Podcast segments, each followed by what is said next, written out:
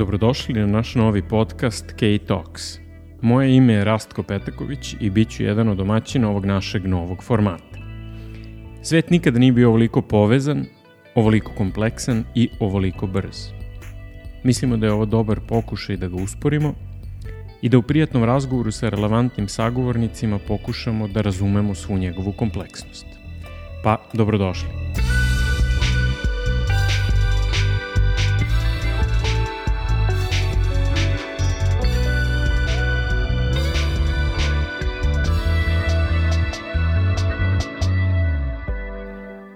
Ovu premijernu epizodu našeg novog podcasta snimali smo 21. i 22. marta 2020. godine, uz brojne tehničke probleme.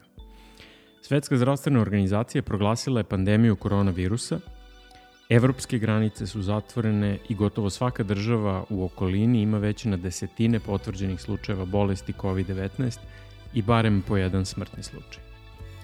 Već nedelju dana radimo od kuće. Živimo vanredno stanje.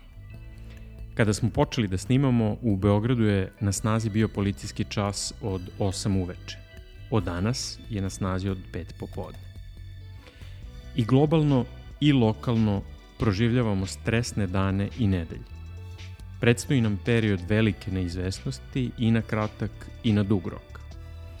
Ne znamo do kraja koliko je teška ova bolest, ne znamo kada ćemo pronaći lek ili vakcinu, ni da li ćemo ih pronaći. Ne znamo kako će zdravstveni sistem izdržati sve što mu predstoji. Još uvek ne možemo pretpostaviti ni sa kakvim ekonomskim posledicama ćemo se suočiti, i globalno i lokalno. I baš zato što ne znamo mnogo toga, trudimo se da danas ne govorimo o bolesti, govorimo umesto toga o mentalnoj otpornosti. Razgovaramo o malim i velikim stvarima koje možemo da uradimo za sebe za svoju okolinu, da sačuvamo i zdravlje duha i snagu duha. I dok traje sve ovo, a naročito onda kada prođe. Zato je ovog puta naš sagovornik Dragomir Kojić. Dragomir je dugogodišnji partner u Karanović i Partners, lider odeljenja za intelektualnu svojinu. Na toj poziciji Dragomir je zastupao klijente u postupcima zaštite žigova, autorskom pravu, patentima. Bio je pionir u borbi protiv softverske piraterije i onda u sve te profesionalne uspehe odlučio je da napravi jedan ozbiljan životni zaokret, izađe iz komfort zone i posveti se radu sa ljudima. U tom zaokretu Dragomir je završio Jungov institut u Cirihu i postao akreditovani analitičar tog instituta.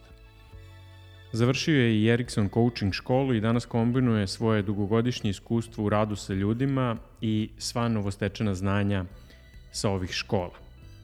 Nadam se da niko neće zameriti ako ovaj razgovor bude barem u jednom delu i terapijska sesija za mene. Dragomire, kako se osjećaš? Najpre hvala što si me pozvao. Zadovoljstvo je učestvovati u prvom podcastu ovaj koji organizuješ. Žao mi je to što je možda povod nije najbolji, možda je mogao da bude neki bolji povod, ali dobro, potrudit ćemo se da i od ovakvog povoda napravimo ovaj nešto pozitivno. Slažem se sa tvojim ovaj uvodom, bilo bi dobro da a, o svemu pričamo, ali da o glavnoj temi direktno ne pričamo, imajući u vidu da su medije prepune te glavne teme. Tako da rekao bih da su i oni ljudi koji budu slušali ovo više puni ovaj tema virusa i svega što nam se događa. Imajući u vidu da je moja osnovna vokacija pravna, advokatska, ja sam se bavio intelektualnom svojinom i još uvek se bavim, da kažem nešto malo, ali život me odveo i na jednu drugu stanu, sticajem okolnosti, završio sam Jungov institut u Cirihu i postao akreditovani analitičar tog instituta i Ericsson Coaching školu, da kažemo, tako da sam taj Erikson uh, i biznis coach. I te dve metode nekako ja kombinujem zajedno sa ovim advokatskim iskustvom i mojim menadžerskim iskustvom kao partner u advokatskoj kancelariji u radu sa ljudima u pomoći njima u njihovom razvoju. I šta to znači? Kako izgleda taj razvoj i šta ti konkretno radiš u okviru toga? Pa, znaš kako, ja kao jungista trudim se da uh, nemam neku unapred utvrđenu šemu i da nemamo neki, uh, uh, neku uh, teme koje mi unapred fiksiramo i kojih se držimo. Posebno pošto radim, da kažemo, mahom sa advokatima i menadžerima, ljudima i biznisa, kojima je ceo dan organizovan. I oni sve znaju šta će da rade od ujutru do uveče, čak i njihove privatne aktivnosti, sportske i slično, su organizovane. Kad idu na sport, zna se kad ide i to je obavezno neki kompetativni sport, bilo bi dobro i da pobede. Ovaj, ja se trudim da ovom našem radu malo uh, obrnemo situaciju, da ih izvedemo iz te komfort zone njihove jake misaone funkcije i funkcije kontrole života i situacije, kao i takmičarske uh, osobine ličnosti, u jednu drugu zonu van konfora gde um, nas razgovor prati, nekako ovako kao ti ja danas što smo seli da porazgovaramo o ovoj temi, imali smo otprilike neke ideje krovne o čemu ćemo pričati, ali ne znamo u detalje kud će nas taj razgovor odvesti, kako bi se njihova kreativnost probudila, kako bi oni pokušali da razmišljaju na jedan drugi način i ne samo da razmišljaju, već da osjećaju, Tako da mi u tom radu koristimo i neke alate koji stimulišu i nesvesnu psihu, i imaginaciju, to su na primjer point of view karte, to su to je analiza snova, to su neke radionice iz oblasti coachinga, kreativne, koje nas vode u budućnost kroz vreme ili nazad u prošlost, ali u vidu slika i slično. Dakle, poenta je u jednoj, da kažemo, rečenici probuditi kreativnost kod čoveka, a obično je kreativnost van naše misaone sfere. Kad dođe u misaonu sferu, to je već više izašlo iz domena kreativnosti i sada nešto sa tim treba uraditi. Čini se kao da se sad sve preokrenulo. Dakle, mi nismo u stresu, nismo svaki dan na poslu, stres je postao druge prirode, nemamo priliku da se vidimo oči u oči s tobom, nemamo mogućnost da ispričamo to što nas muči, a s druge strane imamo a, neke, neke nove nivoje, rekao bih, stresa i šta bi ti preporučio kako da se u takvoj situaciji borimo protiv tog tipa stresa? Šta da radimo? Pa mislim da prvo treba da priznamo sebi da je ovo apsolutno nova situacija u odnosu na sve ono što smo mi u ovom našem životu iskusili. Evo, na primjer, juče slušam na vestima da je poslednji put kada je policijski čas proglašen u Beogradu bilo za vreme drugog svetskog rata kad su Nemci uvedili, uveli drugo, policijski čas, dakle, kazali su pred 76 godina.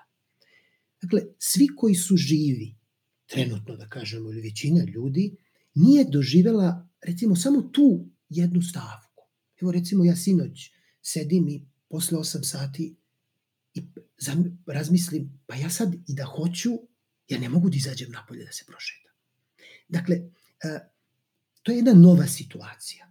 Zato što je svet e, savremeni kakav smo mi znali do pre neku nedelju, trenutno stavljen on hold. A taj svet kakav smo mi znali je bio pun individualnih sloboda. Moderna društva, demokratska društva u kojima mi živimo, u Evropi, Americi, su zasnovana na ličnim slobodama. Dakle, mislimo, možemo da radimo, možemo da putujemo, možemo da izlazimo, možemo da kupujemo. Dakle, ceo kapitalizam je napravljen na ideji potrošnje. Sad odjednom većina tih prava nam je uskraćena. Dakle, to je prvo što moramo da shvatimo. Ljudi, ovo je jedinstvena situacija, nikada doživljena. Kad to procesuiramo, onda treba da procesuiramo jednu drugu stvar. A to je da smo mi vrlo ranjivi i da je ova situacija pokazala koliko je čovečanstvo kao tako krhko. Uprko svim tehnološkim dostignućima koje smo mi u poslednjim veku naročito uh, napravili. I interneta, i odlaska u svemir, i veštačke inteligencije, i mnogih drugih stvari kad jedan mali virus koga mi ne vidimo golim okom napravi jednu takvu pometnju u svetu i jedan takav strah. Dakle, ranjivost uvek prouzrokuje strah kod čoveku. I, I to je prirodno i normalno stanje. Jako je bitno da mi priznamo sebi da se bojimo. Znaš, ja se negde bavim, da kažemo, ljudskom psihom tolike godine i svojom i tuđom. I e, malo proučavam sebe ovih nedelja i vidim da prolazim kroz različita stanja. Čak i ja koji, da kažemo, sam na neki način kvalifikovano lice kad je psiha u pitanju, jer možda malo i više analiziram i znam nego što bi trebalo. I uh, uh, baš gledam kako sam se sve osjećao. Znaš, prvo je bilo neko stanje šoka. Ali ne šoka nekog negativnog, čisto ono šta se događa ovde. Neko stanje da je cela situacija nerealna. Da kao da gledam neki film, da ja, ja, svi ljudi oko mene, mi gledamo to što se događa. Ne, možu, ne mogu još da verujem da se događa. E onda kad su krenulo da se ukidaju jedna po jedna vra, uh, prava i kad više ne može da izađe na ulice, kad sam hteo da neki dan odem kod prodavnicu, kad više ne možeš da uđeš u prodavnicu, jel puštaju određeni broj ljudi. Bila je ova dezinformacija ovo s benzinom, kolone ljudi čekaju benzin. Ljudi su se dakle uplašili. Koliko kažu ove predstavnici vlasti, potpuno neopravdano. E, onda kreće strah, kreće malo i panika, kreće malo i anksioznosti. E onda, kao jedan prirodan odbrebeni mehanizam, čovek pokušava da racionalizuje stvari. Pričali smo, pre nego što smo počeli da snimamo, pričali smo kako je svako od nas lično doživeo sve ovo što se, što se razvijalo. A, mislim da si ti rekao da je za početak izgledalo možda kao da se ne dešava, kao da se to dešava nekom drugom, kao da je to nešto, nekakav nevidljiv rizik i da smo relativno brzo došli od situacije da je to jedan nevidljiv e, rizik i možda iracionalni strah do situacije do kojoj smo poslušni, zaključani u, u svojim kućama i ne samo da se odričemo nekih prava koje, koje imamo, kao što si lepo dobro primetio, nego čini mi se da čak i tražimo da nam se još prava oduzme i da se i drugima, onima po kafićima, restoranima i tako dalje, oduzmu prava.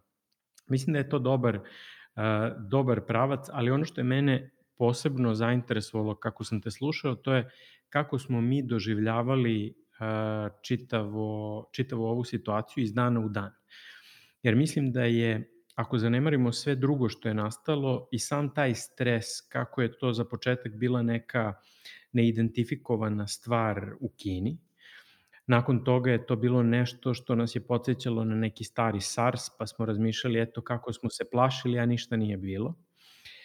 Pa smo onda počeli malo više i više da pričamo o tome, pa su onda možda i prvi letovi bili otkazani i mislim da je prelomni trenutak verovatno u glavama svih uh, u, na ovom zapadnom delu hemisfere bio kada smo videli šta se dešava u Italiji. I mislim da smo od tog trenutka počeli da shvatamo da je to nešto što može da se desi i, i nama. Dakle, nije neka daleka Kina, nego, nego je nešto blizu i vrlo slično nama. Kako ti se čini to, kako, kako je čitava ta stvar evoluirala u našoj u, u našim glavama i, i u našem strahu u tom periodu. Šta misliš, jesi i tad imao sesije, da li je to bilo nešto što pogađa ljude u tom trenutku, da li je to bilo nešto što pogađa tebe? Da, to si lepo rekao. Ovaj, stvar je evoluirala jako brzo. I to je ono što je najteže za ljudsku psihu. Zato što smo jako brzo iz jedne debele zone komfora debelo izašli iz zone komfora i nije nam ostavljeno vreme za adaptaciju. Dakle, jako je bitno za psihu da ima vremena da se adaptira na novo nastale okolnosti. Nama su se ovde dnevno dešavale novonastale okolnosti koje nisu bile pozitivne, već su bile vrlo negativne u smislu ograničavanja naših prava i e, e, polakvog, oduzi, laganog oduzimanja života kakvog mi znamo. I ovo što si rekao, ne samo da ovaj, smo to prihvatili na neki način, nego sad gledamo da li možda treba da nam oduzmu još nešto i ko se to šeta na ulici i zašto onaj sedi u kafiću. Zašto? Zašto jedan čovek o tome razmišlja? Znaš, ti ja da smo ovaj razgovor vodili pre samo, pa možda i sedam dana, ali 10 dana sigurno. Mi bi se smejali kao apsolutnoj gluposti da će se desiti ovaj dan o kome ćemo ovako razgovarati. Zbog straha. Ljudi su jako uplašeni. Ljudi su uplašeni zbog svoje egzistencije, koliko će ovo da traje, jer to ima svoje ekonomske posledice, uplašeni su zbog svog zdravlja.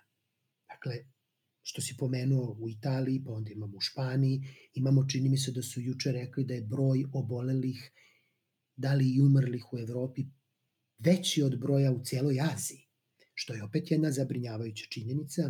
Mediji sve to filuju dodatnim informacijama, a društvene meze, mreže, rekao bih da to spinuju. Dakle, to već sad prerasta u do, na nivo kolere u srednjem veku, ne da umire ne znam ovde da se ne frljam procentima, jedan mali ipak procenat ljudi, i to ljudi koji su stariji i koji imaju hronične bolesti, nažalost, već se ponašamo kao da ćemo svi da pomremo ovaj, od ove bolesti, što nije istina. Dakle, od jednog stanja depersonalizacije i toga da se događa to drugima, do stanja šoka,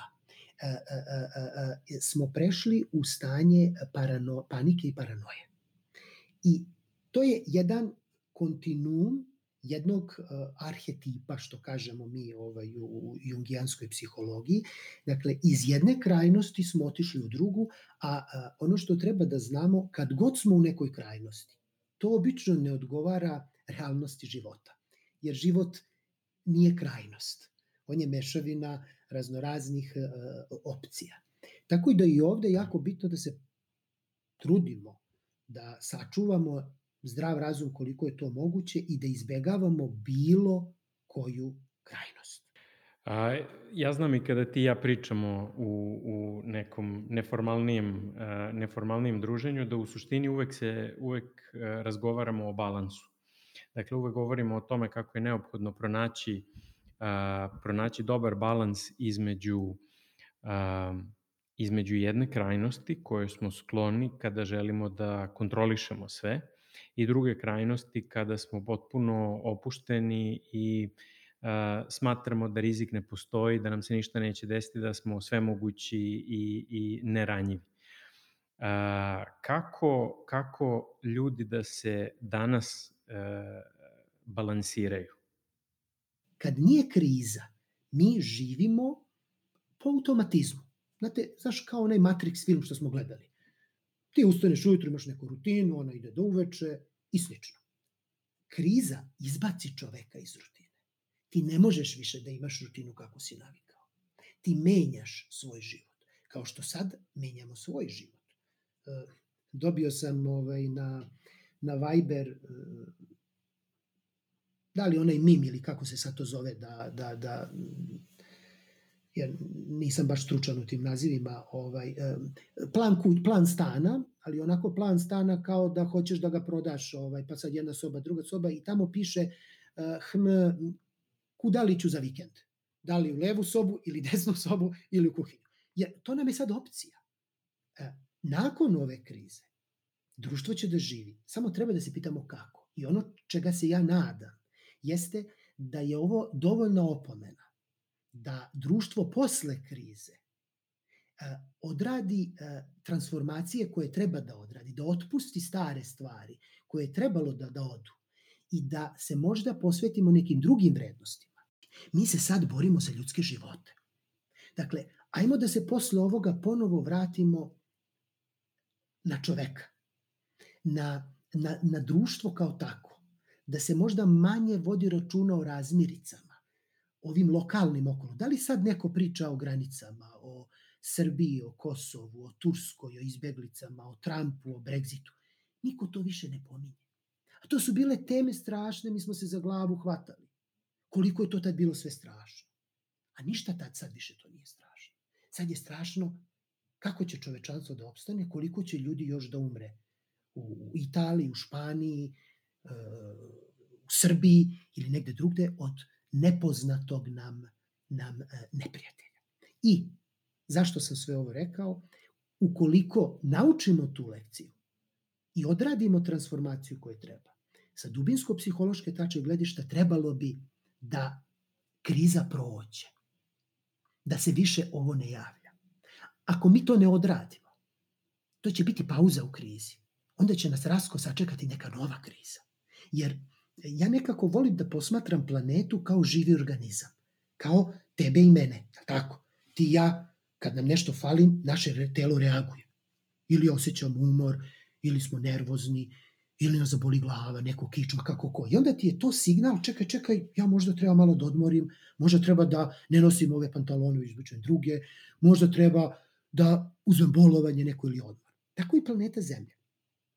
I njoj je možda malo potreban odmor od čovečanstva, koje je svašta napravilo u poslednjih stotinja godina. Dobro, to, to sigurno stoji, mada nije nešto pretarano dobra vest. Uh, dobra je verovatno za prirodu, CO2 emisije su daleko manje od kako su avioni prizemljeni, od kako ekonomija usporava. Uh, I da, to su neki ajde, pozitivni efekti svega ovoga što se dešava, barem po prirodu. Ali i dalje moramo da ostanemo čitavi zbog sebe i dalje moramo da zaštitimo sebe.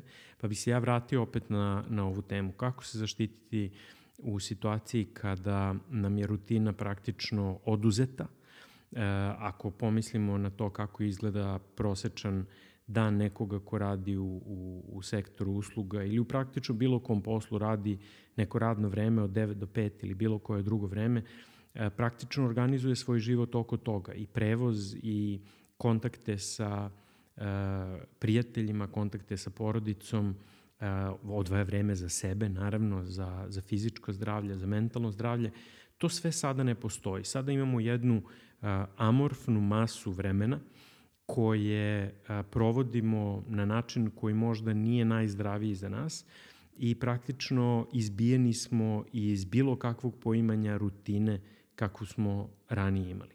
Kako se vratiti rutini? Evo, šta, šta reći nekome kome je pored posla zatvorena i zatvoren i gradski prevoz koji ne može da ode da vidi prijatelji, kome je zatvorena teretana, zato što čujem da su one ozbiljan jedan prenosilac zaraze. Šta, šta reći, šta preporučiti svim tim ljudima?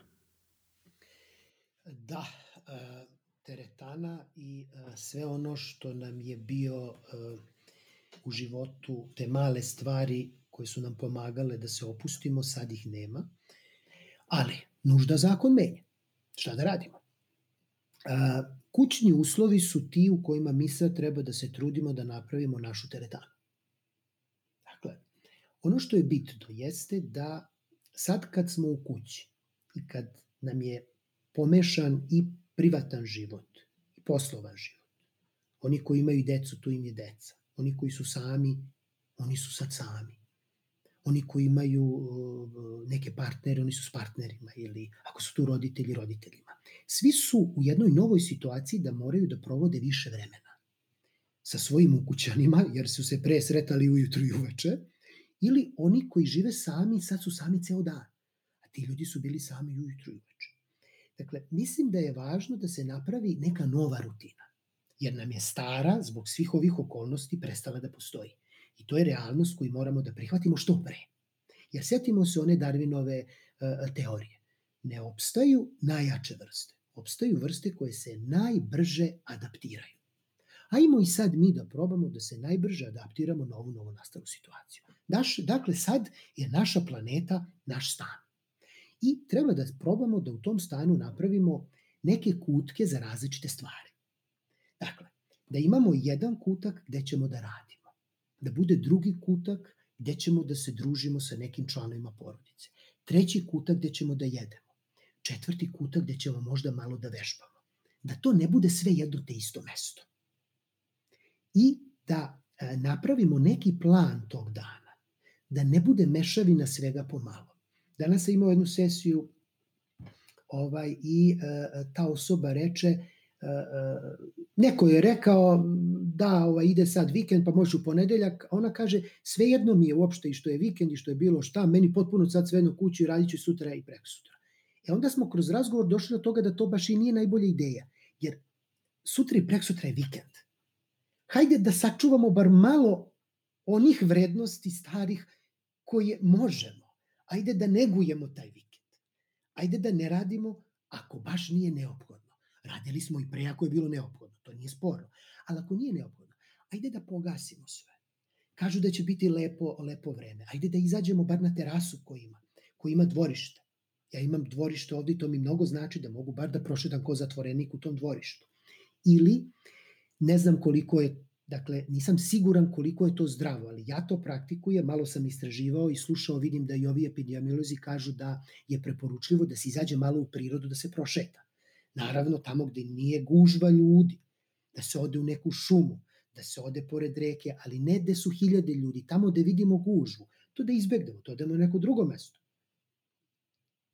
Da se malo prošeta, da se napravi uh, uh, neki ritual u toku dana koji možemo da se napravi neki lep ručak, da se popije neka čaša vina, je sad ja ovaj možda preporučujem alkohol, ne bi trebalo ovaj, ti seci ako misliš da, da, da treba, ovaj, a, a, da napravimo neki ritual i neki smisao i u ovom na izgled besmislu. Sad mi pade na pamet ovaj, jedna rečenica Oskara Wilda, koji je bio zatvoren ovaj nekoliko godina jer ga je viktorijanska Engleska jeli, osudila za tada nemoralno ponašanje i kad je izašao, pošto je on bio jedan jeli, dendi, voleo jedan lep život, umetnost, modu i slično, a može, može zamisliti kako je izgledao zatvor 900. godine u Engleskoj. Dakle, pun pacova i slično. I kad je izašao, ovi njegovi, jeli da kažemo, neprijatelji, su počeli malo da ga zadirkuju, da ga pitaju, jeli pa kako ti je bilo u zatvoru? On je rekao, bilo mi je odlično. I oni kaže, kako odlično? Kaže, bilo mi je odlično jer uh, samo je moje telo bilo tamo. Moj duh je bio na potpuno drugom mestu. Ajmo i mi da negujemo taj duh. Mi ne možemo promeniti okolnosti. Ne možemo da izbrišemo virus, da vratimo vreme, da skratimo vreme virusa. Ajmo da u situaciju u kakvoj smo pronađemo neki smisao. Jer ljudi, ipak, Bogu hvala da ostanemo zdravi. A i ako se razbolimo, to je bolest od koje se velika većina ljudi izleči. Dakle, ajmo da pogledamo malo pozitivno na ceo ovaj događaj. Da možda radimo stvari koje nismo radili. Isto mi osoba jedna danas na, na sesiji reče da je uh, neke ormare ovaj raspremala i uh, da je u tim ormarima našla neke, neke stvari ovaj koje je zaboravila da postoje i uh, neka, neke lekove kojima je davnih dana istoko rok trajanja pa je bacala.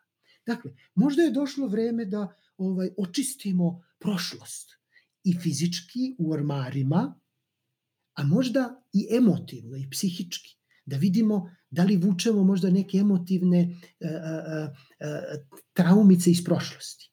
Možda je sad došlo vreme da i oprostimo možda nekim ljudima kojima smo se naljutili za nešto. Da e, izađemo možda iz neke komfort zone opet kad je u pitanju razgovor na neke teme koje nismo razgovarali pre ove krize. Jer sada je situacija da možda budemo više ljudi. Jer u ovakvim trenucima naše društvene maske padaju. E, javlja se senka ljudska, a senka ljudska može da bude i pozitivna i negativna. Pozitivna može da bude kroz ove stvari koje sam malo pre rekao, negativna može da bude kroz zloupotrebu raznoraznih psihoaktivnih substanci, kroz agresiju i nasilje. Vidimo recimo na medijima da imaju neki ljudi koji ne poštuju policijski čas, pa se tuku s policijom, pa ne mogu da prihvate ovaj činjenicu. Ne. Ajmo da probamo da izađe iz nas najbolje. Kao što svako veče u 20 časova aplaudiramo medicinskom osoblju. Zamislite ti ljudi koji e, leče ovaj e, sve ove ljude e, i koji svakog dana mogu da se, da se zaraze. Dakle, e, da probamo, to je, to je možda neki recept najkraće, da u nečemu što nama izgleda da je potpuno besmisleno i da, je, da nas je potpuno stavilo u aut od našeg života i dovelo u veliko stanje anksioznosti, da ipak sagledamo da u istorijskom kontekstu to i nije toliko strašno, da je bilo strašnih stvari, da probamo da u našem životu trenutno koji se sastoji od našeg stana, našeg dvorišta ili terase i možda te neke male šetnje u toku dana, napravimo neke male rituale i da uživamo u tim malim ritualima i da sačekamo, proći će i ovo i da razmišljamo a šta onda kad prođe. Ajde da probamo da mi budemo bolji pojedinci kad prođe sve ovo, pa da i društvo možda bude bolje. Kao što sam pomenuo na početku, mi smo ovaj razgovor vodili iz dva dela. Između prvog i drugog dela desile su se neke novosti. A, naravno, porastao je broj zaraženih, porastao je, nažalost, i broj smrtnih slučajeva a, i poštrene su mere kako bi se sprečilo dalje širenje zaraze. U Srbiji, u Beogradu je produžen policijski čas, tako da on više ne traje od 8 uveče, već e, od 5 popodne. Uvedene su nova ograničenja kretanja, a u inostranstvu su takođe uvedene do, dodatne mere kako bi se sprečilo širenje bolesti. Na svu tu muku u Hrvatskoj, u Zagrebu, desio se ozbiljan zemljotres i deluje kada čitamo vesti i kada gledamo šta se sve dešava kao da ovo više nije, nije normalno. Deluje kao da se sve dodatno ubrzava i ono vreme za adaptaciju čini mi se da je još kraće. Šta, šta uraditi u takvoj situaciji? Mislim da je najbolje što možemo da uradimo i da prihvatimo da se dešava to što se dešava i da probamo da u nekoj našoj mikrozoni menadžujemo to koliko dobro možemo. Evo danas sam rekao mojim ukućanima baš pričali smo ja pa sad eto moramo do 5 sati ovaj, samo tu da ostanemo, pa od 5 sati je popodne ovaj policijski čas, pa ovo je strašno, pa pomenuli smo i ti ja prošli put od drugog svetskog rata u, u Beogradu nije policijski čas bio. E, imamo tendenciju da na negativni način reagujemo. I imamo pravo za to, to nije sporno, ali sam ja onda pomenuo za, Zagreb i zemljotres. Ljudi, jel vi znate dok mi sad pričamo, da su ljudima ove oštećeni stanovi u, u Zagrebu. Oni su pored svega ovoga imali i, i zemljotres. Ajte da uživamo u ovoj u toplini doma koji imamo tu, imamo hranu, imamo da pijemo, imamo ove moderne mreže, možemo i da se čujemo s ljudima i da se vidimo. Ajmo samo malo da se strpimo, da pričekamo. Pik ove uh, uh, uh, krize očigledno još nije dostignut. Pik će, nadamo se, da bude skoro. Kad dođemo do tog vrhunca, doći će do opadanja. Ono što nama treba, mislim Rastko najviše sada je strpljenje i tolerancija. A to je ono što po meni modern čovek nema toliko više. Jer naš život pre COVID-19 je bio sve, samo nije bio strpljenje i tolerancija. Mi smo živeli jako brzo. Sve je trebalo da bude urađeno za odmah, eventualno za juče.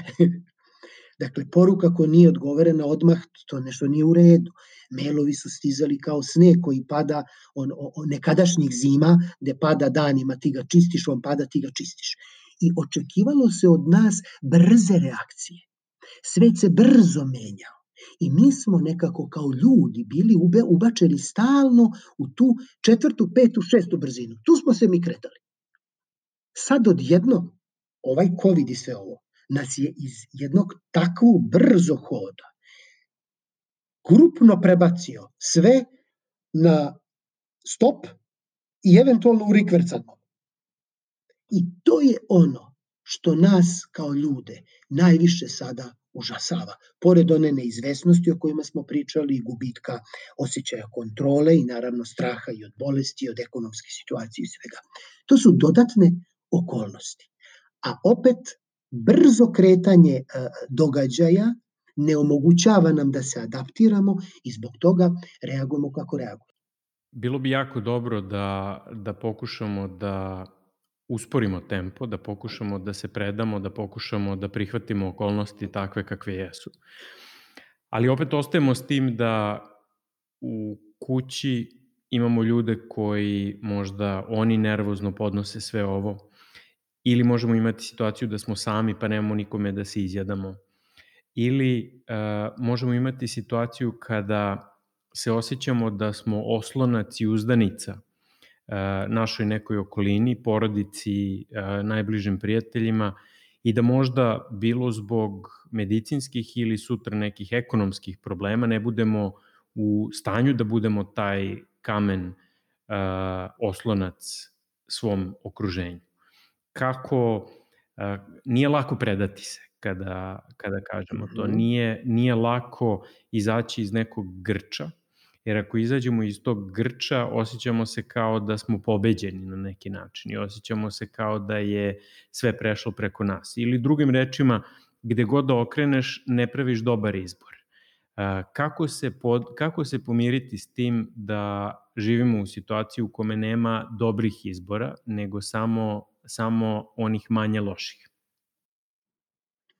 E, opet jako teško zato što je e, naš um treniran poslednjih decenija da ne prihvata ovo sa što nam se događa.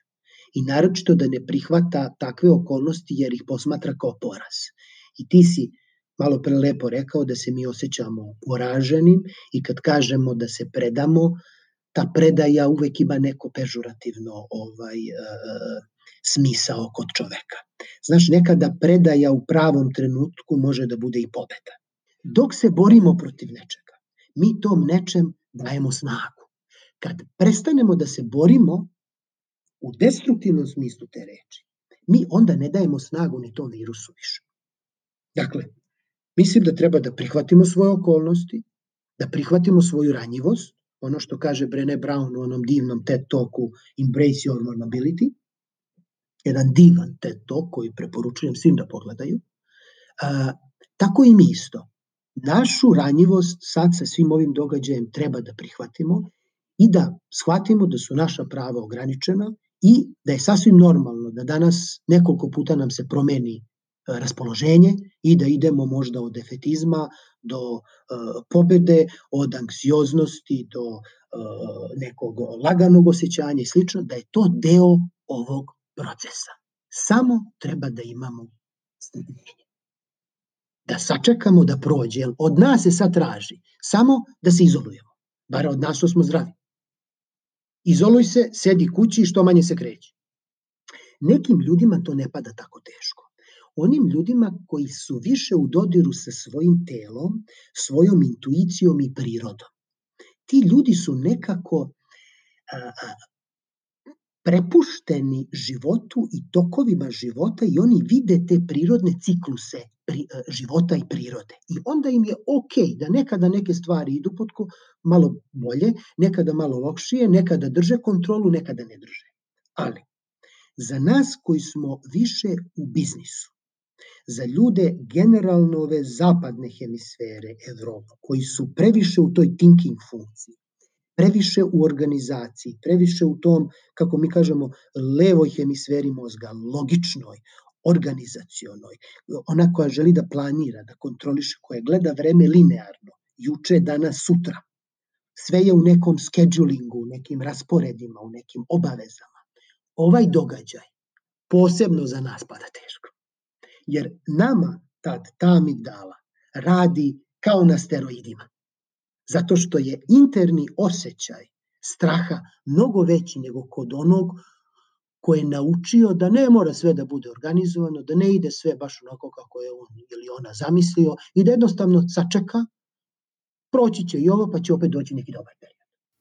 I a, imaš li neku mentalnu vežbu da predložiš da se izađe iz tog ciklusa? Evo kao možda neki dobar šlagvort nekim sticajem okolnosti sam se našao na sajtu MUPA Srbije, Ministarstva unutrašnjih poslova, i tamo sam pronašao jedan, uh, jednu prezentaciju u kojoj uh, sugerišu ljudima da urade neki test, sugerišu ljudima kako da se smire, kako da u trenucima tog visokog stresa pokušaju da da se umire i kako da u slučaju da je taj stres ipak preko neke zdrave granice, kome da se obrate u tom slučaju. Mislim, bilo mi je zaista drago da vidim da je neko smislio nešto tako, posebno, ne, ne znam, uvek, uvek se pitam ko, ko obilazi sajt MUPA za psihološke savete, verovatno niko, ali, ali opet čini mi se kao neki dobar trud Uh, pa evo pitanje jedno, ako nemamo baš mogućnost, uh, jeli, za sve one koji ne gledaju sajt MUPA, kako, kako mentalno da se postavimo prema ovome? Da li možeš da, da predložiš neke konkretne vežbe koje bi ljudi mogli da rade uh, u, u dobu ove krize? Sigurno vremena barem imaju na pretek. Da, imaju i to je lepo što si rekao za MUP. Zaista, ovaj, samo jedno pitanje, kako su, ti se činilo to što su oni napisali? Je li ima neke koristi? Pa činilo mi se iskreno zanimljivo. Čini, činilo mi se kao nešto što možda ima malo previše opštih mesta, ali s druge strane za nekoga ko se možda nije suočavao nikada sa nekim sličnim savetima, ako pomislimo da u, živimo u zemlji u kojoj redko ko ima i psihoterapeuta u kome je to povezano sa nekom stigmom mm -hmm. u mhm. najvećem broju stanovništva, mislim da neki takav korak, makoliko možda površno izgledao, može da bude ipak od koristi. Dobro, dobro, to je lepo. Pa ajde prvo da napravimo razliku između zdravog straha i patološkog straha. Jer ti si lepo rekao da tamo kaže ovaj, šta možete sami da uradite, a da onda primetite ako ne možete sami da se možda obratite negde, negde za pomoć. Imajući u vidu da nam se dešava sve što smo ispričali da nam se dešava, normalno je da nivo straha koji osjećamo ovih dana i nedelja bude veći nego što smo ga osjećali pre ovog događaja. Dakle, prvo to moramo da budemo svesni toga. Dakle, i oni koji su bili nekada najpribraniji, normalno je da se danas osjećaju lošije i ono što smo malo pre rekli da promene i razmišljanje par puta i da nekada budu možda i agresivni, nekada budu malo depresivni, nekada uznemireni i tako dalje. Ali šta je bitno? Bitno je da kod tog zdravog straha, zdrave anksioznosti pod navodnicima, to budu periodi. I da mi imamo u toku dana ili danima a, a, periode koji se smenjuju. Imamo anksioznost, imamo uznemirenost, ali imamo posle kad se smirimo i kad se osjećamo lepo.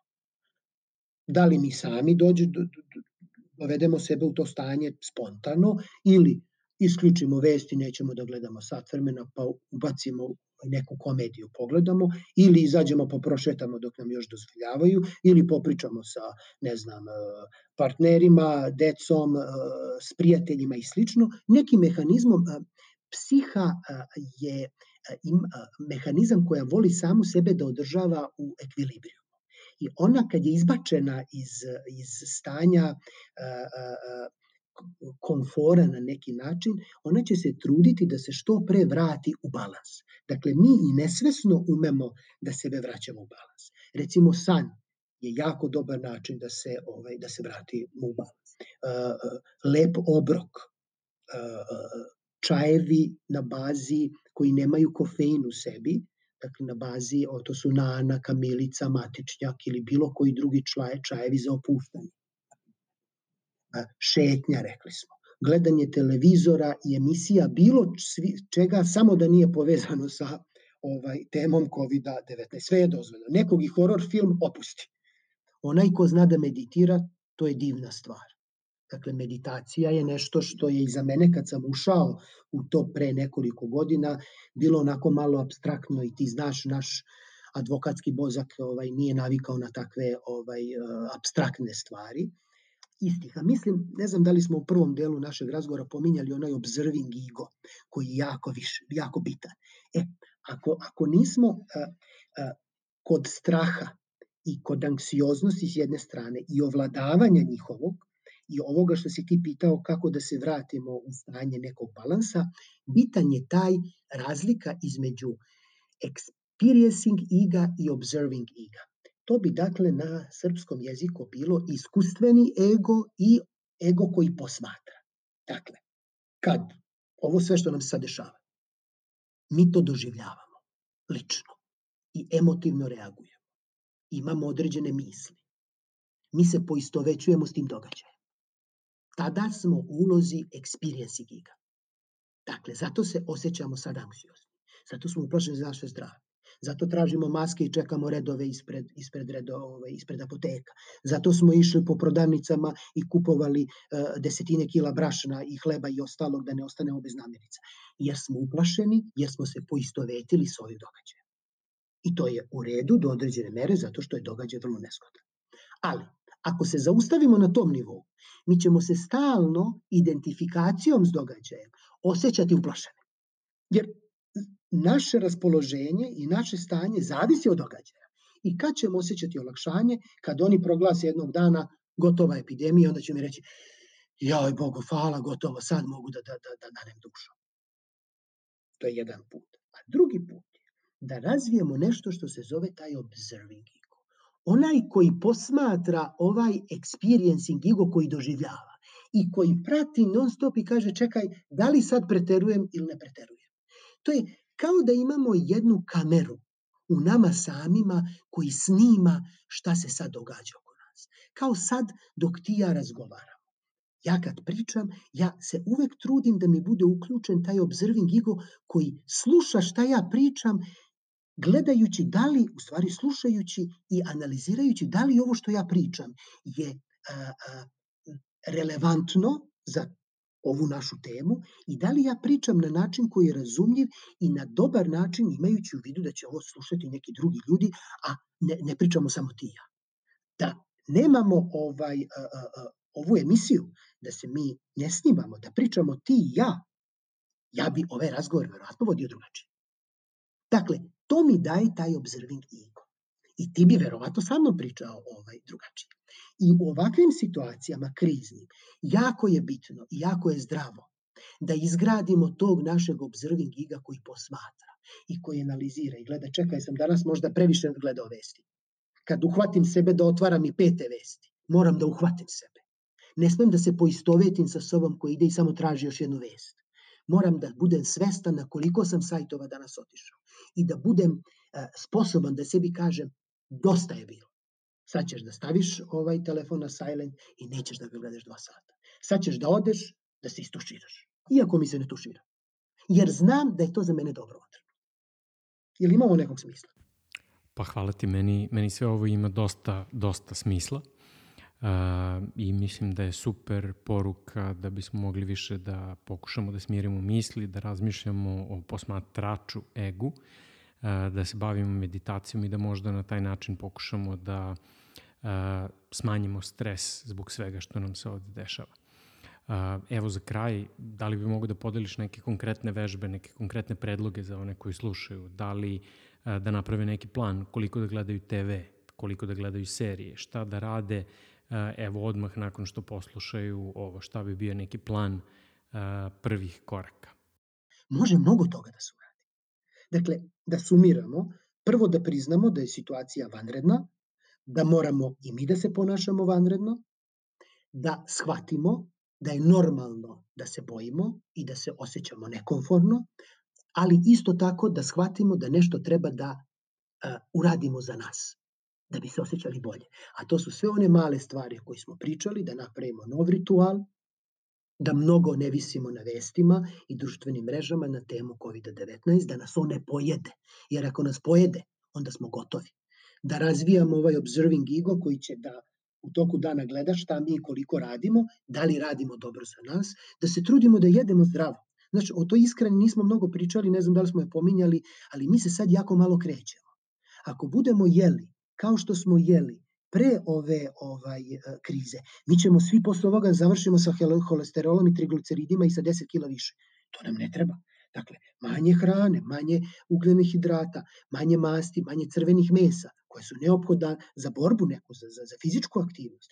Više povrća, voća, prirodnih sokova, manje ovih kofeina i ostalih kofein-based e, beverages, mnogo manje. E, ribe, tih ptica raznoraznih ko voli meso, ne znam, piletina, čuretina ovaj, i, i slično.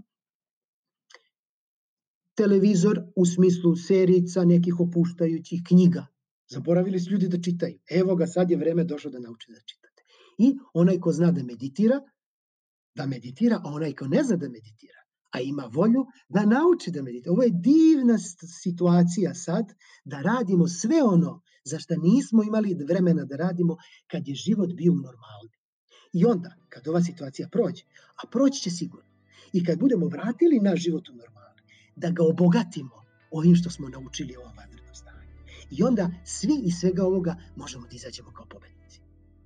A naravno, šta je najvažnije u svemu tome, da sačuvamo naše zdravlje i da se pridržavamo ipak ovih mera koje propisuju vlade, da verujemo im, da ipak znaju šta rade. To je to, nemam šta da dodam. Hvala ti, Dragomir. Hvala tebi.